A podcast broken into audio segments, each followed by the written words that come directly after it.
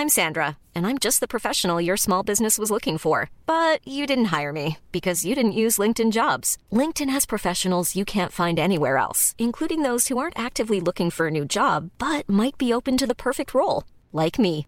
In a given month, over 70% of LinkedIn users don't visit other leading job sites. So if you're not looking on LinkedIn, you'll miss out on great candidates like Sandra. Start hiring professionals like a professional. Post your free job on linkedin.com/people today.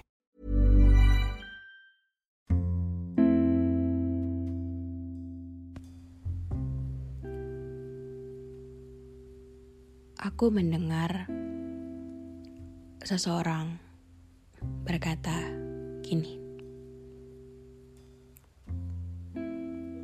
Ketakutan akan membuat kamu merasa kurang kasih sayang.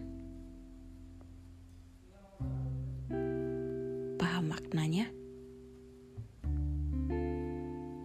Oke, tapi sebelum itu, hai nama aku Firdayanis Tumorang dan di podcast tentang menerima ini akan ada banyak cerita-cerita yang mungkin itu juga bagian dari ceritamu.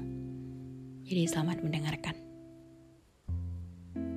Oke, jadi seperti yang aku bilang tadi bahwa ketakutan kadang ngebuat kita ngerasa kurang kasih sayang.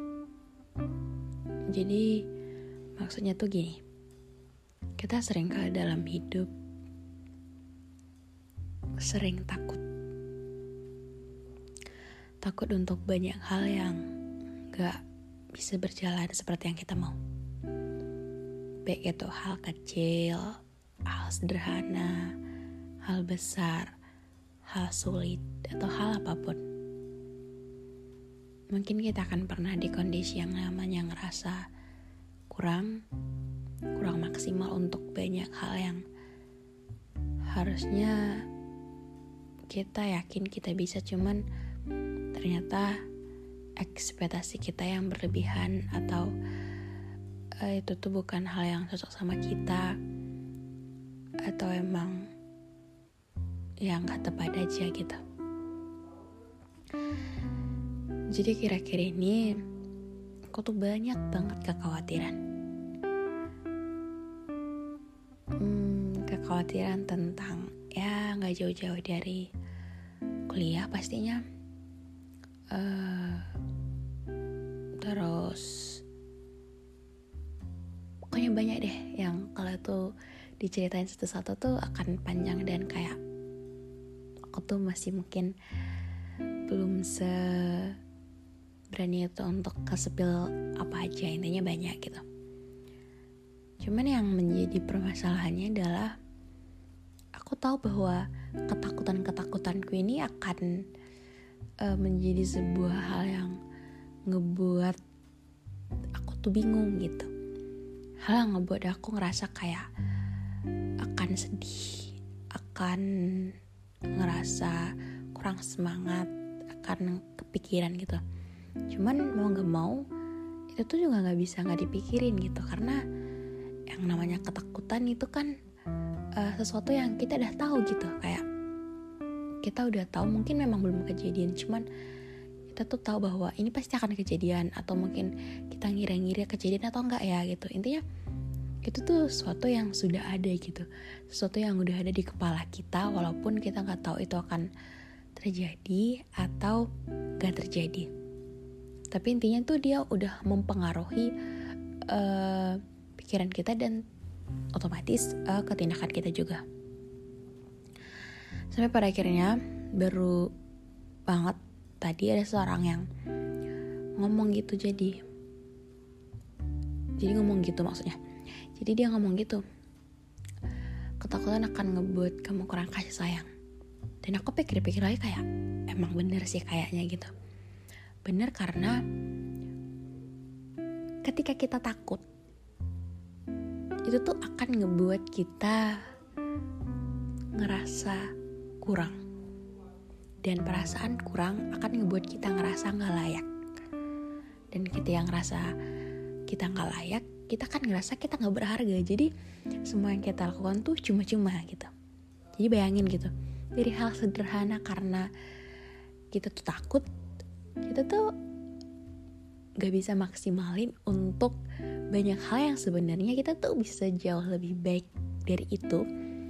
Cuman karena kita takut semuanya terasa percuma. Padahal rasa takut kita itu tuh belum terjadi. Bahkan gak akan bis bisa jadi gak akan pernah terjadi malah gitu. Makanya kalau kita takut yang paling benar adalah serahkan segala kekhawatiranmu padanya, pada Sang Pencipta, pada Tuhan kita. Jadi tuh aku ketika ngomong gini bukan aku seolah-olah jadi seorang tokoh agama, no no no. Cuman aku ngerasa kayak uh, satu kalimat sepenting itu tadi dengan makna yang aku udah jelasin dari awal tadi itu ingetin ke kita untuk jangan untuk uh, mengingat-ingat kekhawatiran tapi melupakan untuk kekhawatiran tadi tuh gak ada apa-apanya kalau kita minta petunjuk ke sang pencipta gitu. Doa lakukan hal yang kita bisa hidup untuk hari ini aja gitu. Karena kadang kita tuh terlalu punya banyak langkah untuk ke depan sampai kita tuh belum ngelangkah aja udah capek gitu. Karena capek mikirin akan sejauh itu gitu. Padahal sebenarnya kalau kita pelan-pelan kita hidup untuk langkah hari ini. Langkah besok kita terima dan jalani dengan baik. Gak akan seberat itu gak akan serius itu tuh pikiran kita. Cuman karena terlalu dipikirin akan emang ribet aja gitu. Jadi semoga ketika kalian dengerin ini, kalian juga bisa untuk ngontrol rasa takut kita itu gitu. Mungkin aku dengan ketakutanku yang kadang ngebingungin, kadang uh, nyakitin, kadang juga aku nggak tahu harus apa. Nah yang pertama aku kan adalah aku harus tahu aku takutnya itu untuk apa gitu. Karena kadang kita tuh sama pikiran kita itu nggak bisa sinkron gitu kayak kita tuh ngerasa banyak hal yang buat kita takut tapi kita tuh uh, takut untuk tahu yang hal yang kita takutin itu sejauh mana gitu. Jadi ketika aku takut aku tulis ke sebuah buku gitu aku takutnya dalam hal apa sih? Kenapa aku takut? Emang kalau aku takut akan terjadi apa gitu? Atau hal-hal lainnya itu akan tulis detail. Jadi aku udah tahu gitu. Dan semoga kalian punya cara untuk membuat rasa takut kalian itu uh, dengan kalian paham gitu mungkin itu aja sih episode kali ini.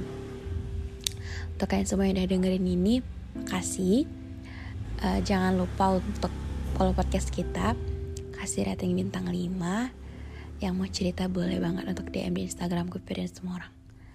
So mungkin sekian sih episode kali ini. Dadah